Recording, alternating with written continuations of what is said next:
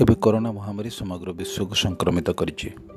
ଛୋଟ ପିଲାଠାରୁ ଆରମ୍ଭ କରି ବୟସ୍କ ପର୍ଯ୍ୟନ୍ତ ଶିଶୁଠାରୁ ଆରମ୍ଭ କରି ମହିଳାମାନଙ୍କ ପର୍ଯ୍ୟନ୍ତ। କେହି ବି ଏହି କରୋନା ଭୂତାଣୁର ପ୍ରଭାବରୁ ନିସ୍ତାର ପାଇନାହାନ୍ତି। ତେବେ ଆମ ଓଡ଼ିଶାର ପରିସ୍ଥିତି ଦେଖିଲେ ଯେତିକି ନିଜକୁ କଷ୍ଟ ଲାଗୁଛି ସେତିକି ମଧ୍ୟ ଦୁଃଖ ଲାଗୁଛି ଯେ ସରକାରଙ୍କର ଏତେ ପଦକ୍ଷେପ ସତ୍ତ୍ୱେ ଲୋକମାନେ ବାହାରକୁ ବାହାରୁନାହାନ୍ତି। ଲୋକମାନେ ଲୁଚି ଛପି ରାଜ୍ୟ ଭିତରକୁ ଆସୁଛନ୍ତି ଏବଂ ନିଜେ ନିଜର ସ୍ୱାବ ପରୀକ୍ଷା କରିବା ପାଇଁ ମଧ୍ୟ ଆଗକୁ ଆସୁନାହାନ୍ତି।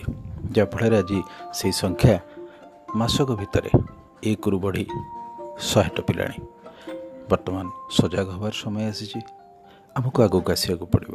ଆମକୁ ଘରେ ରହିବାକୁ ପଡ଼ିବ। ସରକାରଙ୍କ ନିୟମ ମାନିବାକୁ ପଡ଼ିବ। ତାହେଲେ ଯାଇ ଏ ପିଢ଼ି ବଞ୍ଚି ରହିବ ଭବିଷ୍ୟତ ପାଇଁ।